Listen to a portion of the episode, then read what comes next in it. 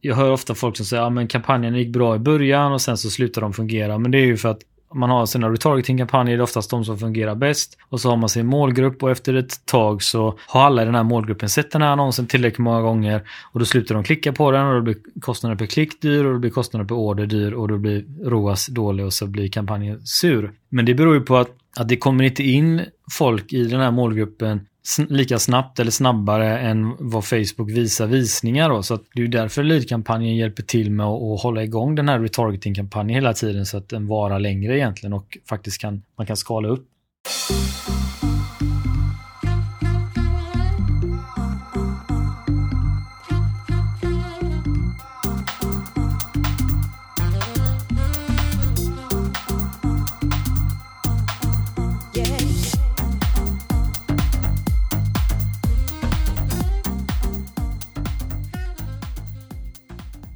Välkommen tillbaka till Digital marknadsföring med Tony Hammarlund. Det här är en podd där jag intervjuar branschexperter och marknadsförare för att lära mig mer om digital marknadsföring.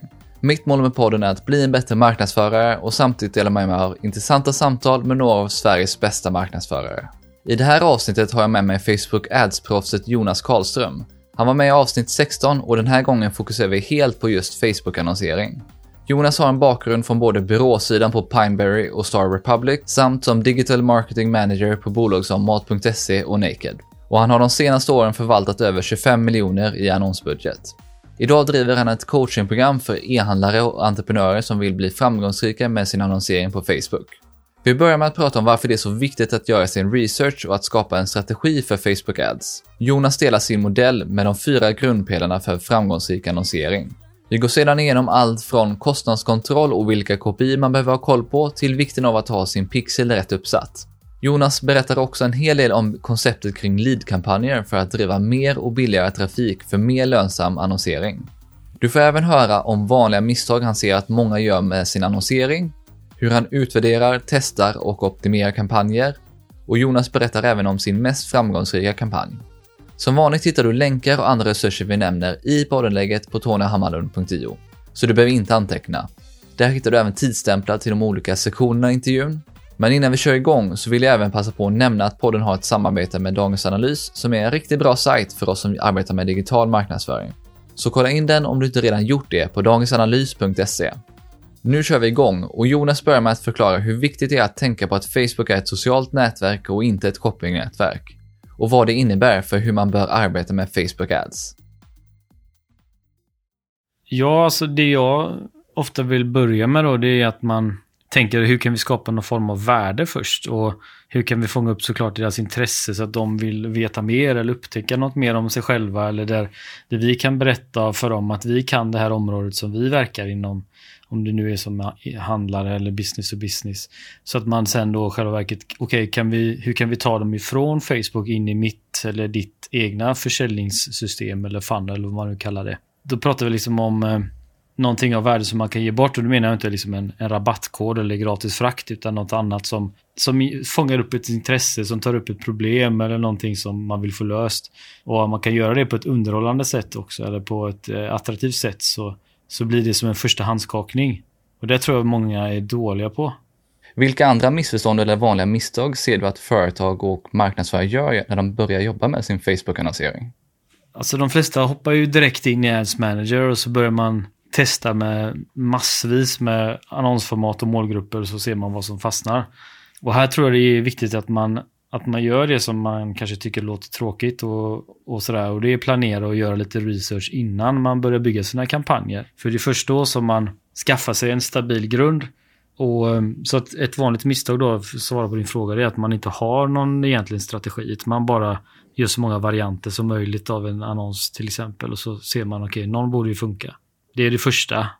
Sen tror jag också att en annan bit, bit som, jag, som är väldigt viktig, det är det här med kostnadskontroll och veta och känna till redan innan man börjar vad har man råd att spendera för att få en eh, ny kund? Eller vad är jag beredd att betala för att få en person från Facebook in i mitt ekosystem då, eller min funnel? Och sen så en annan grej som jag tror vi kanske kommer prata mer om idag, det är också så här, okej, okay, men vilka kopior eller viktiga mätvärden är det som jag kan påverka själv och vilka är det som är svåra att påverka så att man liksom jobbar med de sakerna där man har mest hävstång för att få ett bra resultat i slutändan. Men om vi börjar med strategi då. Vad innebär det när du säger strategi för Facebook-annonsering? Så strategi är ju egentligen, för mig så är det ju att ha en stabil grund och jag brukar jobba efter fyra stycken så här grundläggande pelare eller saker eller kalla det vad du vill, men som man behöver ha på plats för att ens kampanj ska fungera. Och det är egentligen mycket mer saker än, än det som bara händer i Ads Manager, själva appen. Utan, och de fyra sakerna som jag brukar prata om, som jag brukar jobba med med mina kunder och mina kampanjer. Och det är först och främst så är det såklart då själva produkten. Och produkten då, det är, det är det som är liksom en lösning till ett problem eller en möjlighet som du erbjuder. Och den andra delen av de här fyra, det är ju själva erbjudandet eller vilket budskap det är. Hur löser du det här problemet bättre än andra? Eller annorlunda än andra? Och sen det tredje av de här fyra, det är då själva målgruppen. Hur mycket data eller kunskap har vi om våran idealkund eller våran bästa kund? Och sen slutligen en som jag tror väldigt många missar också. Det är hur ser din säljprocess ut eller funnel eller helt enkelt hur konverterar vi dem till en lönsamhet längre fram? Och det är egentligen här som man så att säga väver ihop då sitt erbjudande med den produkt eller tjänst man har med sin målgrupp och som sen då i sin tur drar in dem i, i din säljprocess eller funnel som där, där de då sen konverterar. Hur kom du fram till den modellen?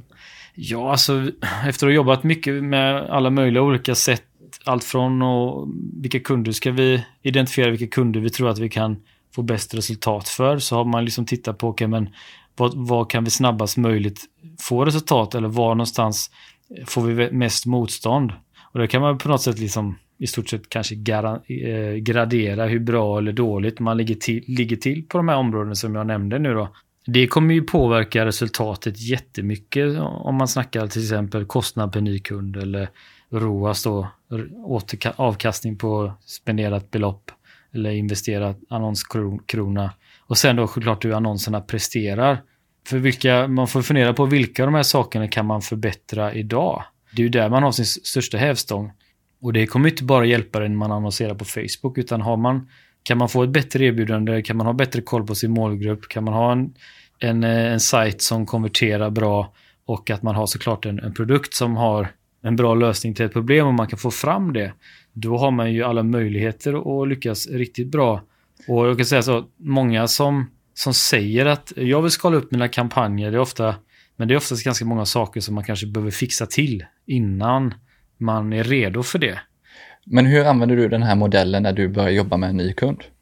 Ja, alltså man kan ju som jag sa gradera då de här olika delarna och fundera på hur väl ligger jag till eller den här kunden till på respektive område. Så efter man har gjort det så vet man, okay, om vi jobbar på de här sakerna ihop med att vi startar våra kampanjer och driver in data så kommer vi få mest hävstång.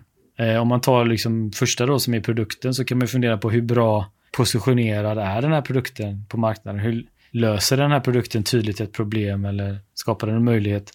Exempel på det skulle kunna vara så här, men har vi ett högt ordervärde, genomsnittligt ordervärde, kan man höja det på olika sätt? Är det lätt att kombinera den här produkten med, mass, med andra produkter som skapar mer försäljning eller vet man sedan tidigare om det är ett nystartat konto att den här produkten har sålt i andra kanaler via andra medier så är det också en hög, alltså säga, poäng då egentligen. Det är väl lite så som, som Amazon till exempel som är världsmästare på, på merförsäljning. Kan vi få folk att handla för tusen spänn i kassan istället för, för 500 så är man helt plötsligt kanske med i matchen igen. Så det är den första delen. Den andra kan ju vara att man, okej okay, men hur bra är ditt erbjudande?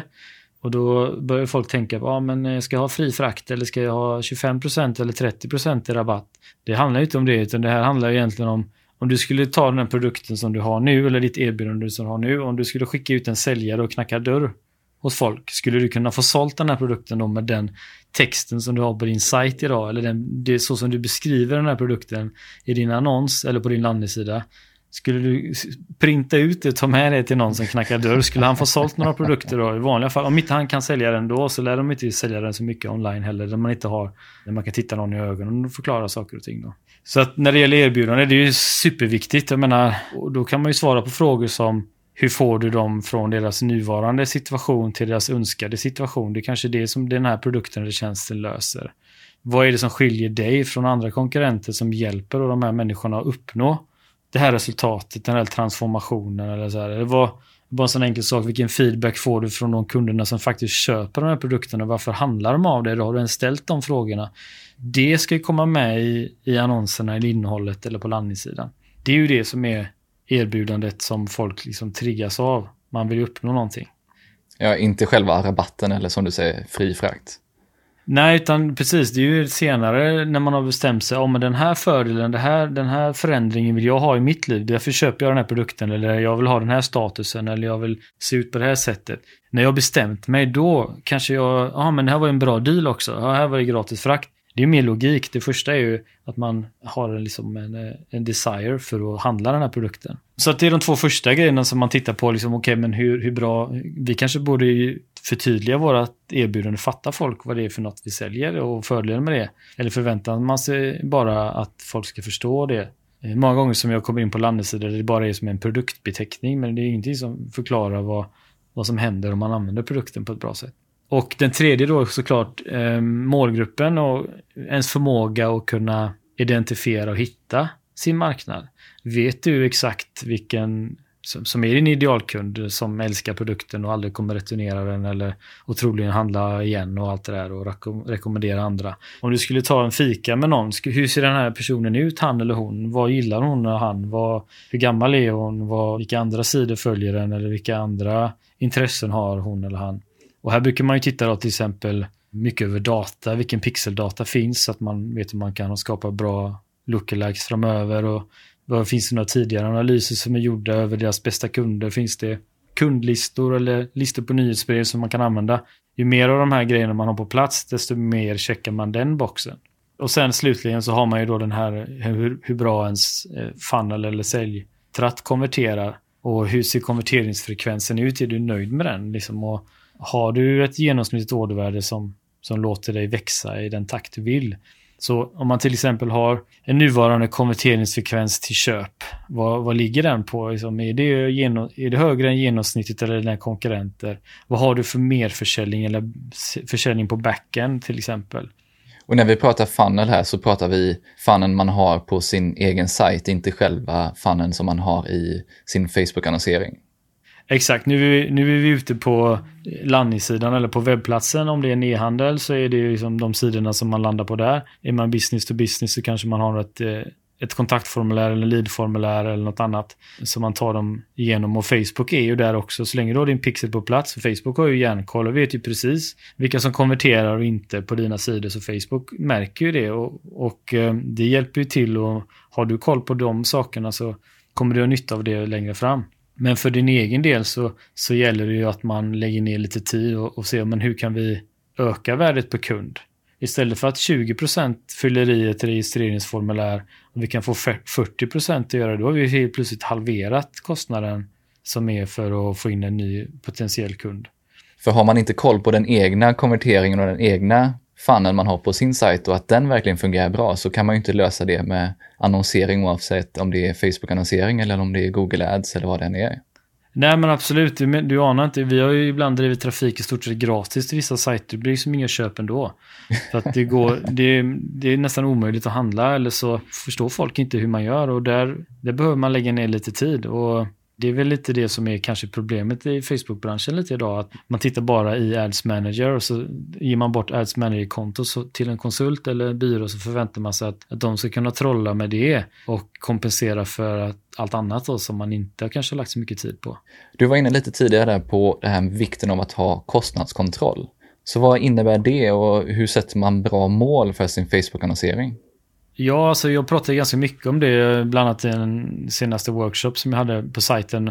Det är just det här vikten av att känna till vad man har råd att spendera. För att, det handlar egentligen om det här, hur, när man håller på med Facebook-annonsering så, så är det egentligen stora drag. Vad är kostnaden du har för att ta någon från Facebook till ditt företags ekosystem? Där du har en backend-försäljning då till exempel som du kan fokusera på. Det kan ju vara en e-handel som konverterar eller om du fångar upp dem i ett nyhetsbrev med automatiska e-mail. Men att man har koll på, jag till exempel, jag betalar väl någonstans mellan 25-30 spänn för att få en ny prenumerant på mitt nyhetsbrev. Det kan ju folk tycka är skitmycket. Men jag vet ju precis att några av dem blir kunder sen och det är, en, det är billigt. Om man bara har koll på kostnaden. Och lika väl så eh, har jag liksom e-handelskunder som driver folk till sitt nyhetsbrev för 3-4 spänn. Medan en, en business to business person kanske lätt kan betala 5000 spänn för att få en ny registrering för en demo eller nästa steg för en, där en säljare kommer in och tar över en, i en nischad bransch till exempel. Så att det gäller att veta, okej, okay, vad har jag och i min business för mål att jobba med? Och det är ju där allting börjar egentligen. Du var inne på det här just business to business-företag kontra en e-handlare. Så vilka olika värden är det man som företag eller som annonsör bör titta på? Ja, alltså såklart. Om vi tar en e-handel och så är det så här, okej, okay, ditt genomsnittliga ordervärde. Vad, vad handlar folk för i genomsnitt? Men också någonting som jag tycker jättemånga missar är hur många gånger handlar dina kunder i genomsnitt per år? Har du en, eh, en e-handel eller folk handlar varje månad eller en gång i kvartalet då är en kund värd mycket mer än att du, måste, att du måste tjäna alla pengar på första köpet. Har du en annan produkt som man, om man väl har köpt den här produkten så behöver man aldrig mer handla av det. Okej, då måste du ha en helt annan marginal på det första köpet. Och det är ju viktigt såklart att, att hålla koll på vad är liksom ditt livstidsvärde då, eller egentligen brukar jag titta 12 månader bak i tiden för livstidsvärde är egentligen ingenting annat än den omsättning du har delat på antalet kunder under ett år. Sen såklart för att kunna räkna då vad det här innebär så behöver man veta vad man har ungefär för marginal på sina produkter. Är det liksom 20%, är det 50% eller vad det nu är. Och sen kan det vara bra också om man har liksom lite koll på hur sajten konverterar besökare till kunder. Då. Och då får man fram liksom, okay, vad har jag max råd att betala för en, eh, för en ny kund? Vad är mitt break-even? Allting under det här är julafton. Jag kan ta ett man ska vara så säker på det så att man vet, jag kan tänka mig att ta ett sms-lån om jag bara får leads för under fem spänn liksom. Inga problem, för jag har sån järnkoll och jag vet att om jag bara får det så kommer det bli si och så mycket i andra ändan. Vad innebär det för vilka kopior man sen tittar på? Det är lite olika kopior för lite olika typer av branscher och företag. Det jag kan nämna först är väl att när man jobbar som medieköpare eller man jobbar som eh, konsult eller liknande så har man en typ av kopior medan företagsägaren då som har kanske helt andra kopior. Och hur de ser på en lyckad kampanj. Och det kan skapa en del problem. Så då kan det lätt vara att man som medieköpare kanske fastnar i de här kopiorna som som är viktiga för en själv men kanske inte så mycket lika viktiga för företagsägaren och tvärtom. Om man är företagare själv och sköter sin egna Facebook-kampanj så är det lätt att man kanske enbart fokuserar på de mätvärdena då som är viktiga för företaget men kanske inte de som påverkar själva resultatet så mycket för annonseringen så det är viktigt att man kan få dem att samspela. Om man säger då företagskopior, det brukar liksom vara kassaflöden och hur man liksom håller det flytande medan eh, annonskampanjernas kopior det är mer okej okay, rapporter från Ads Manager om allt från CPM-pris till CTR och allt sånt där. Men då är det från början nog att man liksom går igenom det här såklart. Vilka kopior som, som är viktiga för en och sådär. Så det är lite som, ja om man är e-handlare så tittar man ju såklart på vad man har för avkastning på sin investerade beloppet. Men där tror jag också att många kanske bara stirrar sig blind, blinda på ROAS. Om man nu har en kampanj som där man får in en ny kund som kostar 500 spänn om man säger annonskostnad för att få en, en kund, så kanske den här kunden är värd 2500 på 12 månader. Eller ännu mer. Är det då superviktigt att man har ROAS 5 på den kunden då? Troligtvis inte. Men det är ju ett mått såklart. Så att kostnad per, det är lite på vad man har för modell. Ja, ROAS och kostnad per order och man tittar ju även kanske på vad är kostnaden för att lägga, att någon har lagt något i varukorgen och, och lite sådana här saker. Bör man även titta på ordervärdet som du var inne på tidigare just för att vissa kampanjer kan ju driva ett högre ordervärde. Ja, absolut. Menar, vi, tittar man generellt sett, det varierar väl olika, men ganska ofta så kan man se att kostnaden per ny kund kanske är billigare på Instagram. Men tittar man på ordervärdet så ser vi ofta att Facebook har, det handlar om för större ordervärden. Så att skulle man bara utgå från kostnad per kund i det fallet så skulle man få mindre pengar på kontot om man så att säga uteslöt eh, Facebook för att det var dyrare för en ny kund eftersom de handlade för mer i faktiska pengar. Så att man får kika både på, på ROAS och kostnad per kund i det fallet. Men du var inne här på lite olika värden som man som e-handlare kan titta på. Hur ser det ut på business-to-business-sidan? Där är det ju ofta att man vill ta folk från Facebook såklart och sen i nästa steg in i, i deras säljprocess som kan vara att man bokar upp sig för en demo eller att man är med på ett webbseminarium eller ett eh, frukostseminarium eller att man bokar en tid med en säljare eller får en offertförfrågan. Någon form av registrering eller kalla det lead, då är det ju egentligen, okej, okay, vad kostar en sån? Vad, vilka målgrupper får vi flest intresseanmälningar så billigt som möjligt så att vi får så många att prata med som möjligt för våran budget. Och där får man ju räkna baklänges ungefär att okej, okay, men om vi, om våra säljare får eh, tio stycken att prata med så vet jag att han eller hon stänger tre eller fyra affärer och varje affär är värd 10 000.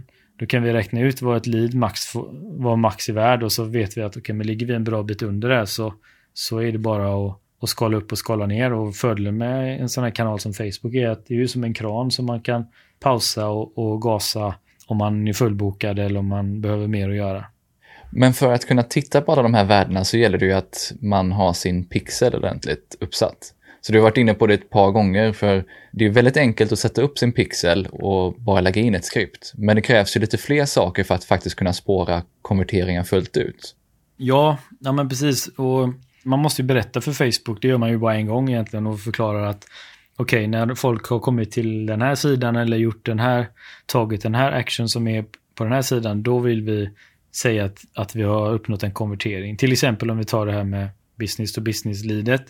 Så har man fyllt i en registrering så kommer man till en, en tacksida som säger tack eh, för din intresseanmälan. Vi, eh, vi kontaktar dig så fort vi kan eller ja, vad det nu är. Och, och då får man ju berätta för Facebook att alla som har kommit till den här sidan ska vi kalla då för en, en konvertering eller lead-konvertering. Om man tar då e-handlarna så eh, är det ju då de vanliga delen som är produktdata så att man, pixeln sitter på plats så att man kan spåra när folk har tittat på produkter så att man kan använda det.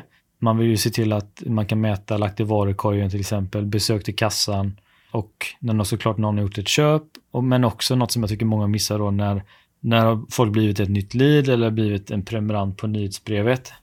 Oftast så har man som e-handlare lite enklare för många av de här e-handelsplattformarna kan man copy-pasta in sitt pixel-id så de stoppar in rätt, rätt ställen ja, men i kassan eller vid ett köp så att den reggar det.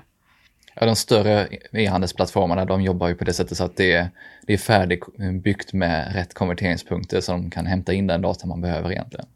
Du var inne på fannen tidigare i din modell med de här fyra bitarna. Så om man har allt det här på plats, hur går man vidare och börjar jobba med sin annonsering?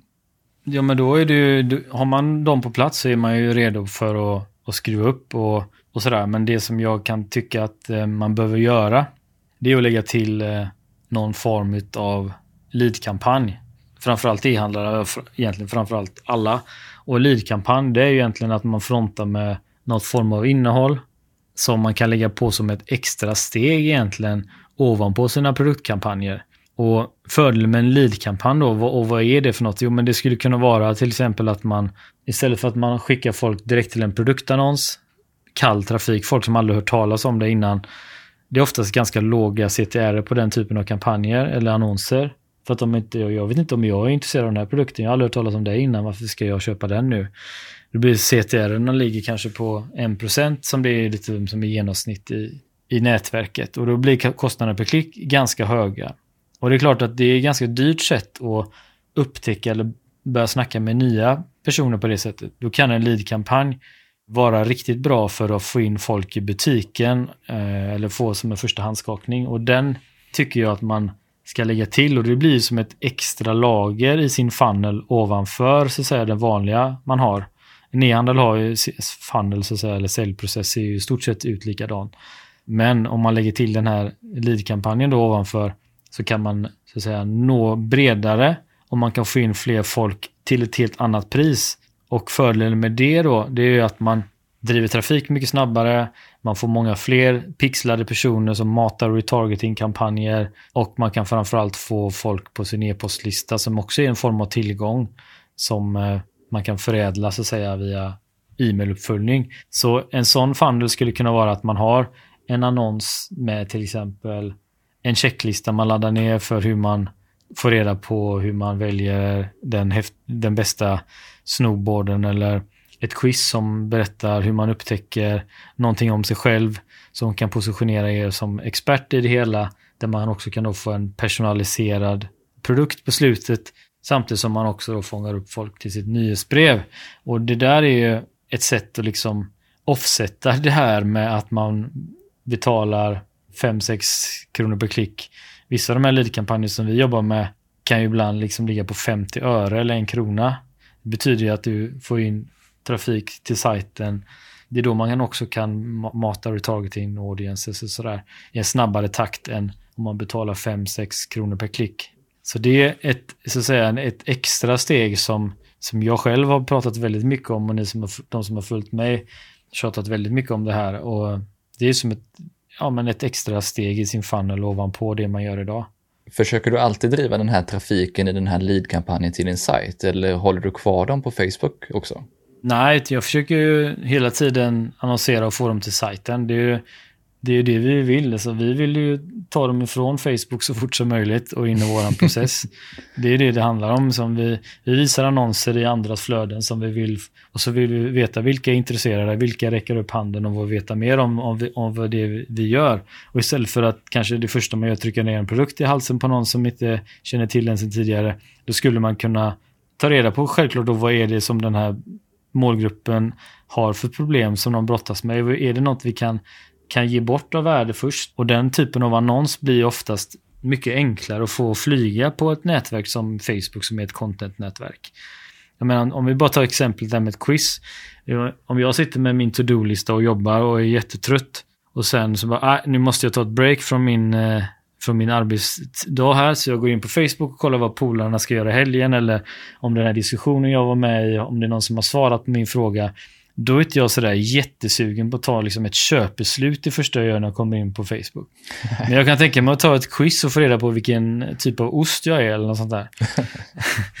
Samtidigt kan man göra de här quizen jäkligt seriösa också då, vilket gör att det är låg tröskel, det kan vara ganska kul och sen så är det ju faktiskt så en annan grej som vi inte ens har pratat om då, det är ju att 50-60% ibland fyller i då sitt, sin e-post för att få reda på vilket resultat de blev eller för få den här guiden eller vad det nu är för något då. Och att man då, alla vill ju inte hamna på ens nyhetsbrev så det är inte 100% men väldigt, väldigt många gör det. Så den första effekten är att du får klick som är sjukt billiga plus att du får jäkligt många på din lista. Men tänk dig själv om du har 10 000 klick och din, eh, ditt quiz konverterar 50% Då har du 5 000 nya på e-postlistan. Det tar ju, för vissa e-handlare, det tar ju 5000 per spel på listan. Det tar ju ett, två år. Så det är ju då, och kan man lägga den här ovanpå de andra kampanjerna så matar ju det de som så har du en shoppingkampanj och produktkampanjer och allt vad det nu heter så har du helt plötsligt en, en ny kanal med, med folk som du kommer in som du kan prata med billigare än vad de dina konkurrenter gör som bara visar produktannonser. För i slutändan så handlar det bara om okay, hur många kan vi prata om per dag om vårt erbjudande billigare än vad andra gör. Om, så att om vi bara haft fem stycken inne i butiken, ja, då det händer inte så mycket. Men om vi kan få in 5000 och inte behöver betala 10 kronor per klick så händer det saker. Kanske inte direkt eftersom de inte är riktigt lika kvalificerade kanske som en, en shoppare då som ser en shoppingkampanj som klickar på den. Men vi kan nå många fler och vi kan över tid då utbilda dem i varför våra produkter och tjänster är så bra. Ja, det är ju en fantastisk bonuseffekt av att göra den typen av kampanjer om man, får, om man just kan få med e-postadresser och prenumeranter på det också. Ja, ja, absolut. Och det är ju där man har möjlighet att ha någon form av onboarding-serie med automatiska e-mail för nya potentiella kunder. Jag menar, de, folk som jag pratar med som e-handlare, ja ah, men vi kör redan e-mailmarknadsföring. Jaha, okej. Okay. Då, gör de, då mejlar de bara sina gamla kunder eh, en gång i månaden. Det är ju inte det jag pratar om nu, utan här är det folk som inte har handlat än, som, men som inte har fått se de här argumenten som man drar om man fikar med en polare när man berättar om sina produkter och tjänster. Ja, ah, men du köper den här produkten för att den klarar det här och det här. Kan man få fram dem automatiskt via en e-postserie, en uppföljning, så blir det som en, liksom som en extra säljare som knackar dörr och utbildar folk vid varför de ska handla hos er. Och det kan man ju även vara varvat med bra content eller nöjda kunder eller recensioner som höjer värde. Det kan ju hända att ja, mail nummer sex eller sju, jaha, får man det också? Nu fattar jag grejen. Och det blir också att man får ett större fönster, så att säga, när det väl är dags för dem att handla den här produkten. Men då är man lite first in mind för att man hänger med på deras nyhetsbrev. Jag har ju folk som har hängt med på mitt nyhetsbrev i sex år som bara, ah, Jonas, nu är jag redo. Men vad innebär det att man har den här typen av lead-kampanj för en e-handlare?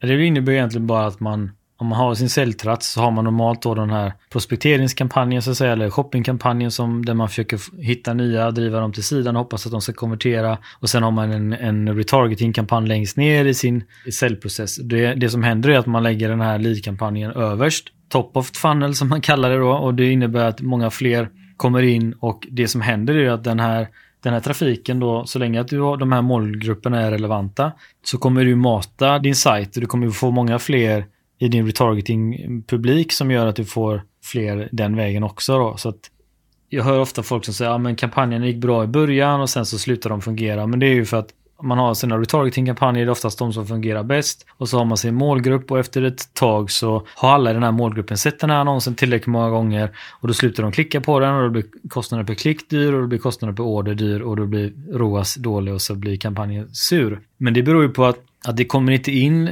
folk i den här målgruppen lika snabbt eller snabbare än vad Facebook visar visningar. Då. Så att det är därför lead-kampanjen hjälper till med att, hålla igång den här retargeting-kampanjen hela tiden så att den varar längre egentligen och faktiskt kan, man kan skala upp. Ja, helt enkelt fylla på med fler kunder och fler prospektiva kunder egentligen.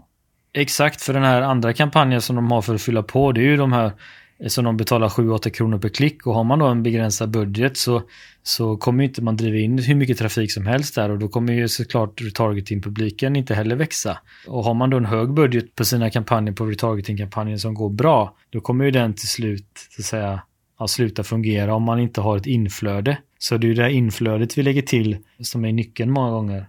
Så det är ju det som jag står och predikar, på att säga. Men jag har till och med skapat ett helt program som handlar om liksom lead machine, hur man får det på plats. Eh, så det, det är jätteviktigt och om vi var inne på det som du sa om business to business så är det ju egentligen samma sak där att man, det, där tar man ju bara bort shoppingkampanjen så att där har man ju också okej, okay, vilka vill du få in? Vilka är det som vi vill? Vad, vilket resultat är det absolut vi vill att de ska ta? Är det att de ska regga sig för ett webbseminarium eller för att de ska boka det ena och det andra? Då gäller det ju att, att ha någonting att, att bjuda på. Där skulle man kunna ha en, en lead-kampanj som är till, en, till ett webbseminarium som, som är då ett, ett första steg och sen det andra steget är att man kontaktar en, en säljare eller bokar upp sig för ett samtal eller vad det nu är för något. Så då är ju lägger sig den här leadfunnen som en liten landningssida ovanpå och så sen nästa steg är då, vad är som är nästa steg i den säljprocessen? Det kan ju se lite olika, olika ut, men istället jag marknadsför ju till exempel mina, mitt coachingsprogram, utan jag kanske ger bort något av värde först, en checklista eller en, en video. Det blir liksom som en första handskakning så folk får en uppfattning om de vill jobba med mig eller inte. Och så hamnar de på mitt nyhetsbrev och sen så länge de tycker det är bra så är de kvar där och till slut så är det vissa av dem som vill jobba med mig det blir en enklare konvertering att göra en mjukare innan man då går till säljdemo eller liknande. Alltså grejen är att det, för många tänker att Facebook funkar verkligen för business to business, men det är egentligen enklare för Facebook att hitta leads eftersom det är bara ett steg ifrån ett klick till en konvertering. Och det är därför som jag också uppmuntrar e-handlare att fånga upp ett lead. Just för att det är lätt att få mycket konverteringar snabbt, vilket gynnar att Facebook-pixeln eh, tränas väldigt fort på det sättet. Men då har vi lite koll på vilka typer av kampanjer man behöver. Men hur går man sen från att sätta upp sina första kampanjer till att ha en stabil och lönsam annonsering? Ja, här kan man ju prata om de här olika faserna då. Och det är som en kampanj går igenom eller som ett annonskonto egentligen går igenom. Man kan ju alltid, har man ett nytt annonskonto eller att man startar om på nytt eller vad det nu kan vara så kan man alltid räkna med en test och inlärningsfas. Och där är egentligen lönsamheten negativ inledningsvis. Och det är egentligen här som kanske ens erfarenhet kommer in hur snabbt man får upp den från att vara negativ till att bli liksom inledande lönsam. Och därefter när man har, har fått en lönsam kampanj så gäller det, okej, okay, men hur kan vi stabilisera den här kampanjen innan vi börjar skala upp dem? Och det innebär egentligen att eh, man eh, ser till att eh, det finns tillräckligt många konverteringar per vecka och sådär så att man har den data. Eh, man har skalat upp och kommer man liksom upp på ytterligare högre nivåer när man skalar upp kampanjer så behöver man många gånger stabilisera en gång till om man kommer upp på höga värden. Så den här kurvan då kan man säga som omsättning, den matchar inte alltid kurvan för lönsamheten. Och det här tror jag är viktigt, speciellt för företagare som tar ur egen ficka för sin annonsbudget, att vara medveten om det, att eh, man behöver ha en testperiod och inlärning. Vad är det man testar och hur gör man det på ett bra sätt? Ja, alltså man testar ju olika målgrupper, man testar olika vinklar på sitt budskap. Man testar såklart olika annonsmaterial, annonstyper för att se liksom, okej, okay, vilken kombination utav, av eh, den här vinkeln, den här bilden eller videon är det som förmedlar då det här erbjudandet mest effektivt. Och det, kommer vi återigen tillbaks på hur viktigt det är med att ha ett erbjudande faktiskt. Hur ser ditt system ut för att göra det här testet, för att göra det metodiskt? För jag antar att man kan inte bara testa åt höger och vänster med annonsplacering och eh, budgivning, eh, annonsmaterial och så vidare. Det måste finnas något system för vad man testar och när egentligen. Alltså budgeten sätter ju lite hur mycket man har att testa. Har man 50 spänn om dagen att testa så, och så ska, då kan man inte testa fem målgrupper ens för att då blir det 10 spänn per dag. Då blir det inte, tar det väldigt lång tid att få in datan. Så det handlar om hur snabbt vill man få in den datan. Men, men generellt sett om man har, eh, man har insett att det är en testperiod, då testar man fem sex målgrupper och så kanske man har två, tre olika vinklar på sitt budskap. Två, tre olika annonser eller någon video som förmedlar det här man behöver inte krångla till det. Man behöver inte göra liksom 20 varianter av, av det ena och det andra. För det, det tar så himla lång tid innan det ens blir statistiskt gångbart att, att den ena är bättre än den andra. Så det är lite som att man testar två, tre huvudrubriker eller vinklar på sitt budskap. Okej, hur kan vi, vilken är det som flyger och hittar vi någon av dem som funkar, ja men då kan vi testa liksom göra nya varianter utav den. Gör du alltid manuella tester eller använder du Dynamic Creative Ads eller vad Facebook nu kallar sin automatiska matchning? Ja, alltså det finns ju lite olika varianter där man kan, man kan stoppa in så, så gör Facebook eh, multivariate testing lite snabbare. Många gånger så vill jag att alla de annonserna ska gå lika mycket och sådär. Så att vi kan köra ganska old schools. Det finns säkert bättre sätt att göra det. Men har jag kommit få en vinkel som jag vill ha så vill jag testa den i helst en vecka. Och sen en vecka till på nummer två och nummer tre. Sådär. Det kan hända att jag slänger upp det i ett delningstest istället och sådär. Men nackdelen med det är många gånger att när delningstestet är slut så, så blir det som att starta en ny kampanj. Man kan liksom inte bara fortsätta vidare och då nollställs allting lite. Så vad ska jag säga egentligen är att man behöver inte testa som en galning egentligen. Så länge man har verkligen lagt lite tid på ens budskap så behöver man inte ha hundra varianter av det. Utan det, för det är tre, fyra saker som, som gör att folk vill handla det du har. Och, och det gäller bara, okej, okay, vilken av de här grejerna prickar liksom rakt i hjärtat och få fram det. Sen spelar inte det sådär jättestor roll om det är i form av en bild eller video. Även om jag vet att video kan ha liksom längre räckvidd för att det finns stort utrymme i nätverket just för video och sådär. Hur lång tid tar det normalt sett att gå från den här inlärningsfasen till att man har en stabil annonsering? Facebook flaggar ju ganska tydligt när man har inlärningsfas, men generellt sett så är det ju, man har ett visst antal konverteringar under en tidsperiod och om man inte når upp till det så kan det vara bra att sänka så att säga till nästa nivå. Och vad menar jag med det? Jo, men om du till exempel är en e-handel som, har, som får in ett köp om dagen eller ganska nystart och inte har så många köp, då, tar du, då får du inte in kanske 50 köp på en vecka eller vad det är som Facebook vill ha helst. Då har du ingen liksom, stabilitet i den delen. Då kan det faktiskt, eh, även om du eh, hoppar ner en pinnhål och inte riktigt lika nära sanningen så kan det i det fallet då eh, funka ganska bättre då till exempel om man ja, gå mot nästa resultat som kanske är lagt i varukorgen istället. För då har man kanske 150 stycken som man gör det på en vecka. Då blir visserligen Facebook riktigt bra på att hitta folk som lägger saker i varukorgen. Den kampanjen är mer stabil. Och sen om du då ökar upp den lite, då kommer du få fler köp. Då kan du längre fram sen slå om när du, till köp då när du har kommit upp tillräckligt med köp per vecka. Då. Så det är lite det som man pratar om när man pratar om stabilitet. Ja, det helt, handlar helt enkelt om att lära Facebook vilka som är de bra kunderna. Och det är också därför som, jag, som lead-kampanjen blir så effektiv många gånger för att man, man får väldigt många så att säga, leads och eh, många konverteringar vilket gör att man hoppar ur inlärningsfasen väldigt snabbt. Vi har varit inne på det lite, men hur skapar man riktigt bra annonser på Facebook?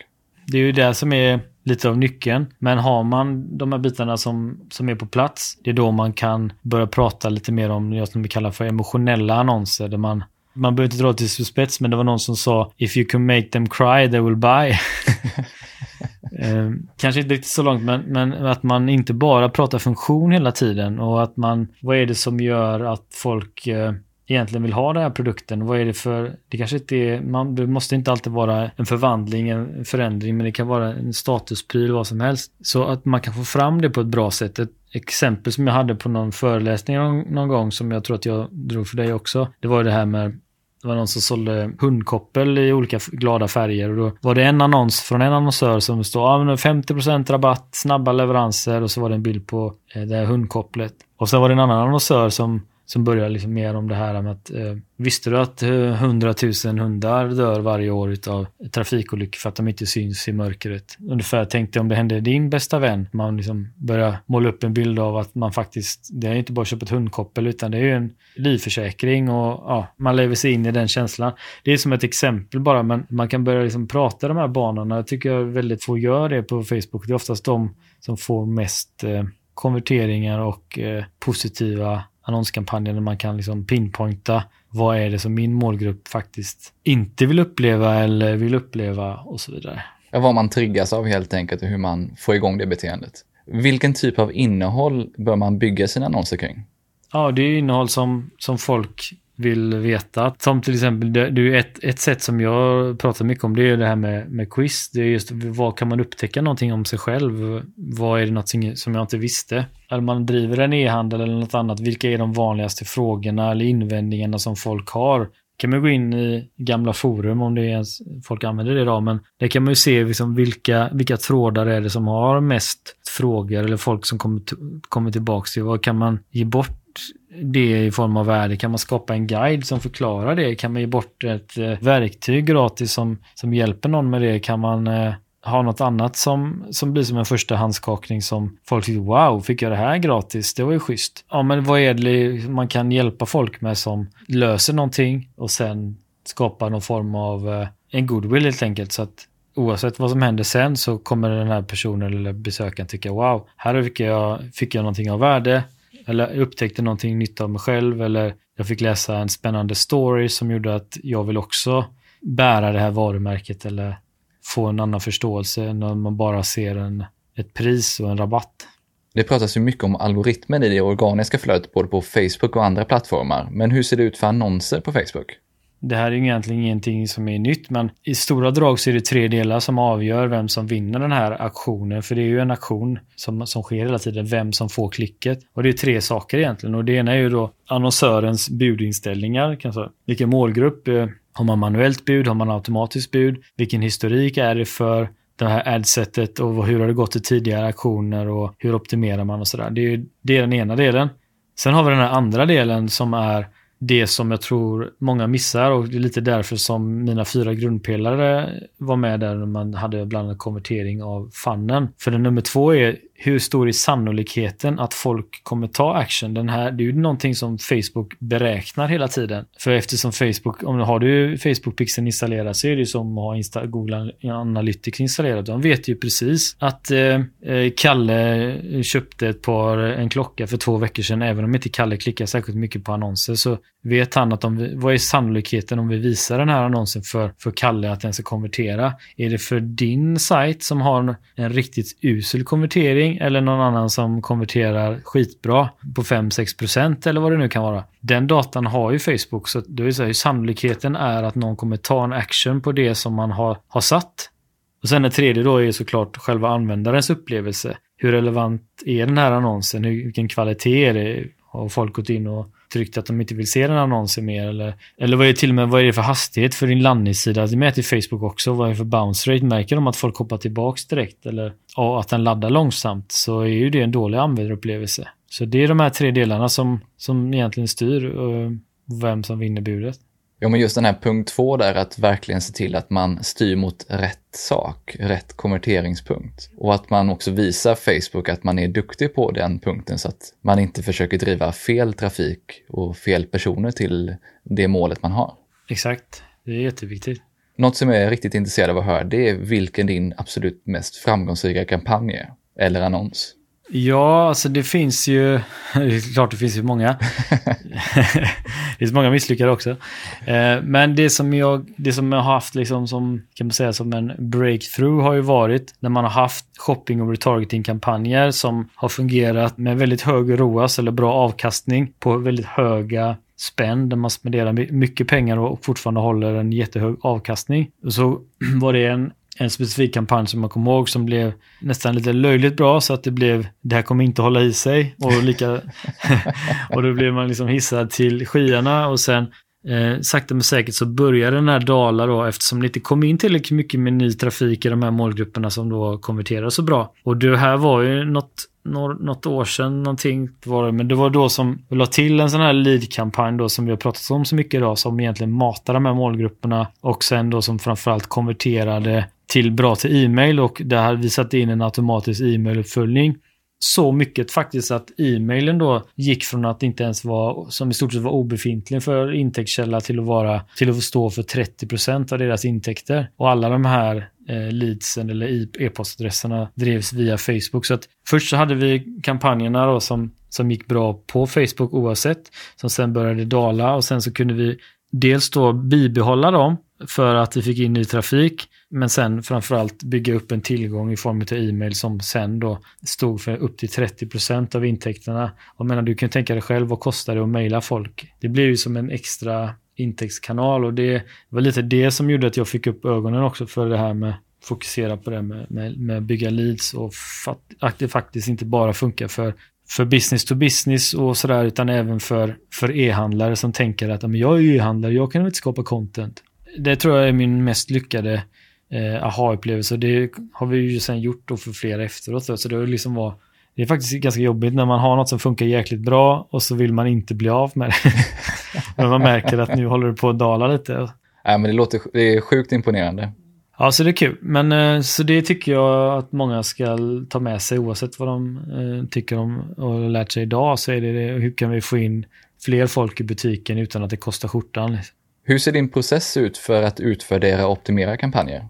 Framförallt så är det ju såklart att optimera efter de här utsatta, uppsatta målen. Då, om det är ett ROAS-mål man har eller kostnad per ordermål man har eller kostnad per lead-mål man har. Så handlar det ju om att hela tiden trimma bort fettet och se vilka, vilka målgrupper och annonsformat är det som producerar det vi vill ha allra mest. Är det nya kampanjer så går man in och optimerar ganska mycket i början. Och sen har man väldigt många kampanjer eller testar många målgrupper så kanske man använder en del automatiska bud som höjer och sänker budgetar eller stänger av annonskampanjer allt eftersom. Ja, men det är ganska, ganska enkla processer. Gå in och titta, okej okay, vad, vad blir kostnaden här om man har kostnad på rådet till exempel eller ett ROAS och så ser vi att det här annonsformatet fungerar sämre om du släcker vi ner det. Här ser vi att eh, tätorterna funkar mycket bättre. Stänger vi av de andra eller beror på, är det liksom en kampanj med liten budget så kanske man bara behöver göra det någon gång per månad eller varannan vecka. Är det en en större kampanj med, med mer spänn så, så är det ju viktigt att stänga av och trimma bort de som inte levererar. Så det är egentligen, eh, man går in och tittar på, och bryter ner kampanjen och sen eh, ser om man kan, allt eftersom man får in mer pixeldata också, okay, hur kan vi bredda den här kampanjen? Hur kan vi lägga till nya bredare målgrupper? Så att vi ger Facebook ännu mer svängrum för det är då kan man bli lönsam på stora målgrupper så varar ju kampanjerna också mycket längre. Innan vi avslutar för idag så skulle jag vilja veta vad du anser att man behöver kunna för att bli riktigt duktig på Facebook-annonsering. Man måste ju prova själv. Man kan liksom inte, man kan inte läsa sig till hur man blir eh, rallyförare. Liksom. och eh, det är samma sak när jag har anställt folk. De som jag har anställt har inte varit kanske bara folk som har läst om det utan de har ju inte kunnat hålla sig från att skapa egna kampanjer eller provat själv. Det är då man lär sig allra mest. Och sen så handlar det också, okej, okay, hur kan man skapa sig ett nätverk med andra som är experter på det här så att man hela tiden har någon att bolla med och att man har, får nya idéer och utvecklar sitt egna nätverk. Jag har ju kontakt med folk som jobbar med Facebook-kampanjer dagligen. Hur jobbar de? Vad är något nytt som har hänt där? Så man surrar med dem. Vår coachningsgrupp till exempel, där är vi massor som har olika kampanjer och massa idéer. Så det handlar liksom om, det är väldigt viktigt vilka man umgås med på dagarna om man vill bli bra på någonting. Så det tror jag är det är viktigt att man får, får, om det är ett område som man vill jobba med, att man bekantar sig med andra som jobbar med det. Inte bara sitter själv på sin kammare. Ja, men det tror jag också är jätteviktigt just att prata med andra, både för att få nya idéer men också för att se hur andra jobbar. Vad finns det för grupper eller andra nätverk där man kan hitta andra som är riktigt duktiga på Facebook-annonsering? Ja, men det finns ju såklart många och här gäller det kanske att välja någon som man gillar att lyssna till och som man tycker är, ja men som man helt enkelt tycker om också för att det finns massa experter där man får hitta sin väg. Men personligen så lär man sig inte sådär jättemycket av att bara liksom läsa artiklar på HubSpot och sådär. Det är ganska ytligt. Utan det, man, men även om man kan liksom få en bra uppfattning om hur saker och ting fungerar Personligen så jobbar jag, får jag mycket input från mina egna projekt och såklart och från coachingkundernas kampanjer eh, och tester som vi gör och som de gör. Det är egentligen det som jag lär mig allra mest av. Sen så finns det väl så här, ja men är det espresso om du skulle ha någon resurs tycker jag kan vara ganska bra ibland. Ja, för det var min nästa fråga just, hur du håller dig uppdaterad kring vad som händer inom Facebook Ads. Ja, men det är helt enkelt, idag är det i stort sett bara mitt egna nätverk. Kolla koll med andra som jobbar med Facebook-kampanjer. Helst i helt andra nischer och branscher. Och det är oftast där man får massa idéer om hur de jobbar med sina funnels eller kampanjer och sådär. Hitta något eh, nätverk med, med duktigt folk och jag har ju själv en egen Facebookgrupp som heter Facebook Annonsering Sverige. Där är det massa folk som, som är duktiga, som är igång och, och där man kan ställa frågor och, och, få massa svar också. Ja, men vi slänger in en länk till den gruppen. Jag är redan medlem där och det är, sant, det är väldigt bra diskussioner där. Innan vi stänger av så tänkte jag också kolla på var man följer dig allra bäst någonstans. Ja, så, såklart. LinkedIn finns jag ju. Där jag är ganska så aktiv. Jag eh, har en Facebook-sida också av något slag. Men annars är det såklart min, eh, min, min webbplats jonaskarlsson.se och där har jag skapat flera så här, gratis träningar och workshop om man liksom vill ha lite raketfart och om man vill ha någon att bolla det med sina kampanjer under längre tid så, så kanske man ska kika in mitt coachningsprogram då. Det är väl lite mer som att ha sin egna Facebook-PT. Jag brukar säga det, även de bästa atleterna har ju någon form av tränare eller bollplank och jag funderar på varför har egentligen inte digitala marknadsförare också det? Ja, men det låter sjukt häftigt. Jag slänger in en länk till eh, ditt coachingprogram också i poddenlägget här efter. Tack så hemskt mycket för idag Jonas. Tack så mycket, det var kul att vara här. Jonas har verkligen stenkoll på Facebook Ads och det är alltid lika intressant att prata med honom. Jag gillade verkligen att han framhöll hur viktigt det är att göra sin research och att skapa en strategi för sin Facebook-annonsering. Och att inte hoppa direkt in i Ads Manager. Jag har mängder med anteckningar efter vårt samtal med alla smarta tips. Men om jag ska välja ut några av de främsta sakerna som jag tog med mig så vill jag lyfta hur viktigt det är med noggrann kostnadskontroll där man vet exakt vad man kan betala för en kund och olika konverteringar. Lead-kampanjen. Det låter otroligt enkelt men det är helt klart en kraftfull taktik som kan göra stor skillnad. Och att ha stenkoll på sin konverteringsdata och att hela tiden se över så att man optimerar mot rätt action. Jag vill gärna höra dina tankar och vad du tog med dig från avsnittet. Så skicka gärna ett meddelande eller en kontaktförfrågan till mig på LinkedIn. Du hittar som vanligt länkar till de resurser vi nämnde i poddenlägget på tonyhammarlund.io. Och har du några frågor om Facebook Ads till Jonas så kan du ställa dem i kommentarerna direkt inne i poddenlägget. Gillar du det här avsnittet och podden så vill jag som vanligt påminna att prenumerera. Och tipsa gärna andra om podden. Avslutningsvis vill jag passa på att tacka Mikael på Newbies Music som hjälper till med att producera den här podden och stå för musiken. Vi hörs snart igen med fler intressanta gäster och ämnen.